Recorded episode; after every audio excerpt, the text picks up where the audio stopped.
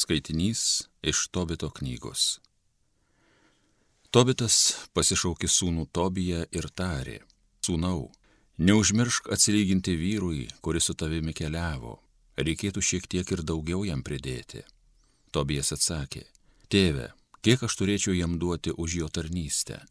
Nebūtų man gaila, jeigu atiduočiau jam pusę to, ką esu parsinešęs. Jisai mane parvedė sveiką ir tvirtą, padėjo nelaimėje mano žmonai, man pinigus nešė, taipogi tave išgydė. Kągi už tai aš galėčiau jam duoti? Senis pritarė, teisingai, jis užsitarnavo pusę to, ką pargabeno. Tobijas pasišaukė savo bendrakeleivį ir tarė, pusę viso to, ką parnešiai, imk kaip atlyginimą už savo tarnystę ir keliauk ramybėje. Rafaelis abu juos nusivedė į šalį ir tarė, šlovinkite Dievą, ir visų gyvųjų akivaizdoje dėkokite jam už tai, ką jis jums padarė. Garbinkite ir šlovinkite jo vardą. Skelbkite visiems žmonėms Dievo darbus, kaip dera, ir nedelskite jam dėkoti. Karalius paslapti pridera saugoti, o Dievo darbus garbinga atskleisti, juos skelbti. Darykite gerą ir jūsų neištiks nelaimė. Geriau malda su pasninku ir išmalda su teisingumu negu turtai ir neteisybė. Geriau jau išmaldą duoti, kaip auksą kaupti. Juk išmalda gelbė iš mirties, vaduoja iš nuodėmių. Kurie išmaldą duoda, ilgai gyvena, o kurie nuodėmiauja, kurie piktą daro, yra savo gyvenimo priešai. Aš pasakysiu jums visą teisybę ir nieko nuo jūsų neslėpsiu. Juk sakiau, kad dera karaliaus paslapti saugoti, o Dievo darbus garbinga atskleisti. Taigi žinokite, kai judu su Sara meldytės, aš jūsų prašymą nunešiau viešpaties didybės akivaizdon ir ten jį perskaičiau. Taip pat, kai laido į mirusius, kai tu nedėlisiai keltis ir palikti valgymą, kad eitum laidoti mirusių, aš buvau siūstas bandyti tavo tikėjimo. Dabar mane Dievas siunti tau ir tavo marčiai Sarai padėti. Esu Rafaelis, vienas iš septynių angelų, kurie visada pasirengia viešpaties didybės akivaizdon stoti. Dabar jūs žemėje garbinkite Dievą, o aš grįžtu pas tą, kuris mane siuntė. Visa, kas įvyko, surašykite į knygą. Tai Dievo žodis.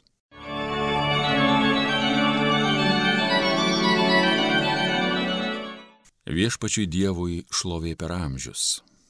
Viešpats nubaudžia ir pasigaili, pasiunčia į mirtį ir vėl gyvybę gražina, ne vienas negali pasprukt iš jo rankų viešpačiui Dievui šlovė per amžius. Matydami, ką jis dėl jūsų padarė, šlovinkit jį visą burną. Teisingajam Dievui dėkokit, aukštinkit amžių karalių. Viešpačiui Dievui šlovė per amžius. Trimtie šalyje aš skelbsiu viešpatie šlovę, nedaurėlių tautai garsinsiu jo galę, didybę. Viešpačiui Dievui šlovė per amžius. Jūs nusidėjėliai atsiverskit, darykite, kas jo akise teisinga, galbūt jisai jums bus maloningas, gal jums parodys gailestingumą. Viešpačiui Dievui šlovė per amžius. Alleluja, alleluja, alleluja. Palaiminti dvasingiai vargdieniai, jų yra dangaus karalystė.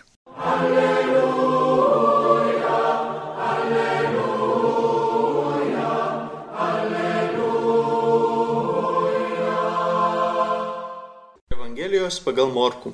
Mokydama šventykloje Jėzus bylojo, kodėl rašto aiškintojai sako Mesiją esant Davido sūnų. Juk pats Davidas šventosios dvasios įkveptas yra pasakęs, viešpats tarė mano viešpačiui sėskis mano dešinėje, aš patiesiu tavo priešus tarsi pakoji po tavo kojų. Pats Dovydas vadina jį viešpačiu, tai kaip jis gali būti jo sūnus? Didelė minė su noru klausėsi Jėzaus.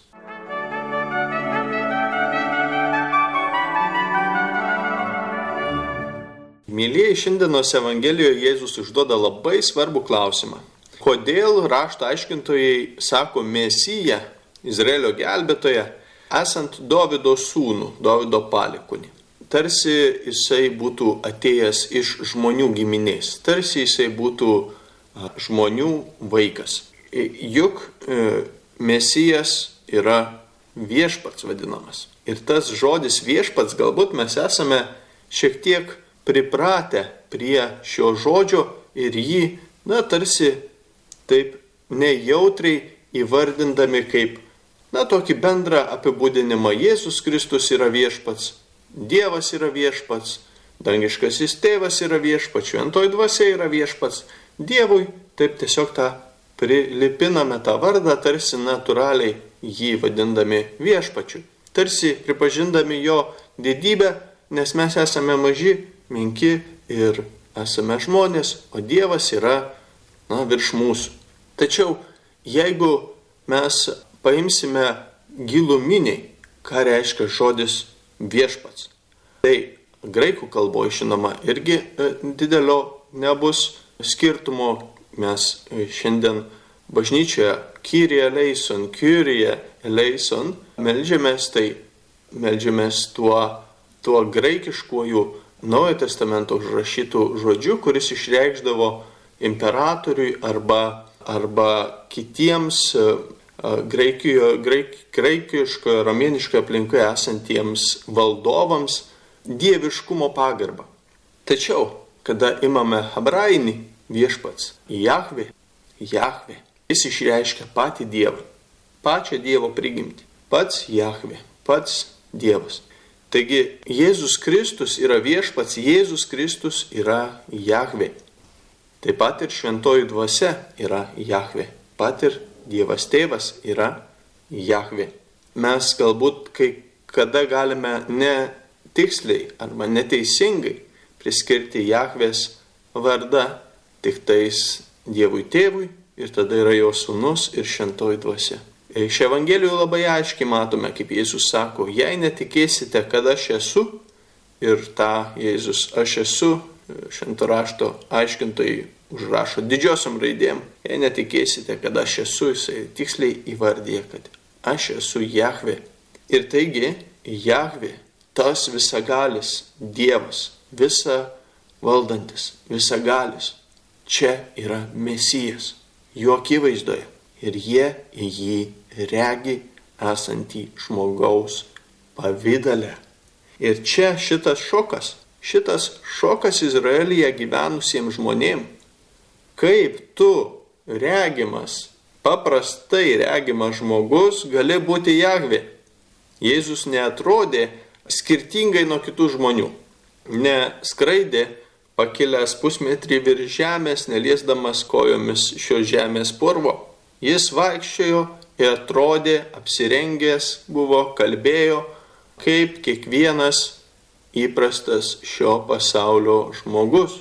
Manopelio paveikslas Jėzaus atvaizdo, net jeigu įsivaizduotumėm, kad tai yra tikras atvaizdas, tai rodo, kad nei ir veidas nebuvo Jėzaus toks dieviškai simetriškas ir lygus. Jis buvo paprasto veido žmogus. Na, sakykime, iš kaimo, iš Nazareto kaimo žmogus, ir staiga jis, skelbdamas Evangeliją, ima liudyti, aš esu Jahve, aš esu iš Dievo išėjęs. Ir šitai labiausiai piktino šios rašto aiškintojus ir fariziejus, nes kaip būdamas žmogus, dediesi Dievu, jų priekaištas jam buvo. Ir jiems, kas jiems atsitiko? Šitiems mąstantiems, kad Jahve negali įsikūnyti, kad Jahve negali tapti žmogumi. Atsitiko panašiai tas, kas atsitiko Tobijui. Jiems į akis, tarsi Tobijui prikakojo žvirblis, taip ir jiems, na, galima sakyti, jeigu imsim tą žvirblį piktosios dvasios simboliu, tai aptemdė akis. Jų išdidumas, jų manimas, kad mes geriau žinom, mūsų logika, mūsų supratimas gali viską paaiškinti ir tas akių aptemimas įtikėjus savo žinojimu, savo supratimu, vietoj prieimimo staigmenos, vietoj prieimimo Dievo galybės, vietoj prieimimo Dievo vaizdos, kuri gali būti visiškai kitokia negu mes, protingiai labai pramatome. Ir tas apakina.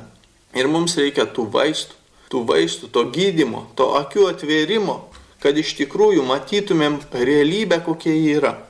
Matytumėm, kad Dievas yra tas, kuris visas kūrė, kad žmogus yra jo kūrinys, kad jis siunčia savuosius pranašus, savuosius kunigus, savuosius tikinčiuosius, liudytojus, savuosius gydytojus ir, ir savuosius angelus, visai kaip angelą Rafaelį atsiunčia, kad suteiktų išgydymą. Aha, taip pat ir medicinos darbuotojus, per kuriuos taip pat Dievas veikia pagalboje žmogui.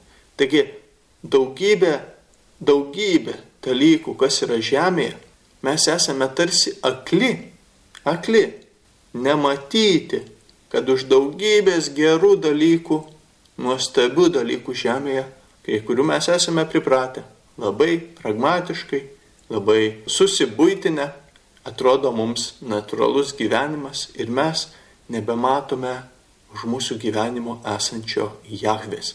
Galbūt mums šį Dievo regėjimą arba už šio pasaulio ir už žmogaus regėjimą Dievo slėpinio šiek tiek šiais laikais kliudo mokslinis pažinimas, fizika, chemija, visi kiti tikslieji mokslai, kurie yra geri, pažinti tikrovę, pažinti jos dėsnius, pažinti tvarinijos veikimą, kaip jinai veikia pagal Dievo nustatytus mūsų visatos dėsnius.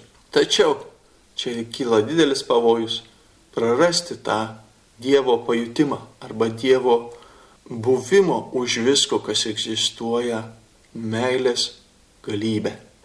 Meilės galybę, kuri gali netgi paneigti arba kitaip veikti negu tie fizikiniai dėsniai, ką vadiname stebuklais. Ir ką nei tada medicina, nei kiti mokslai nebegali paaiškinti. Taigi Dievo galybė ją pripažinti, kad Dievas yra Jahve ir jis yra Jahve visagalis, viešpats, karalių karalius už viso mūsų gyvenimo, už viso, kas egzistuoja, už viso, kuo esame ir kuo yra kiti žmonės. Ir jam vienam atiduoti garbę, jam vienam atiduoti šlovę, jam veikiančiam bažnyčioje, veikiančiam ir šalia bažnyčios, veikiančiam visada taip, kaip jis yra numatęs Nebūtinai taip, kaip mes asmeniškai pagal mus manome, kad Dievas turėtų veikti. Taigi nusilenkti Dievo didybei, jo visagalybei, jo veikimo pasirinkimui taip, kaip jis renkasi ir žinoma, ne viskas ateina gyvenime iš Dievo, yra gundimas, yra piktoiduose, budrumas atpažinti visas išdidumo, neapykantos, godumo, ištvirkimo, tingumo formas, kurios mumise mus, prieš mus kovoja, prieš mūsų prigimtį ir skelbti savo širdise, savo sieloje, savo kūne ir mūsų ryšiuose, mūsų šeimose, mūsų bendruomenėje Jėzaus Kristaus viešpatavimą.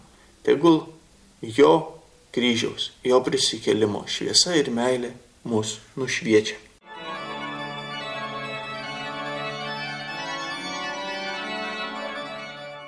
Homilija sakė kunigas Andrius Končius.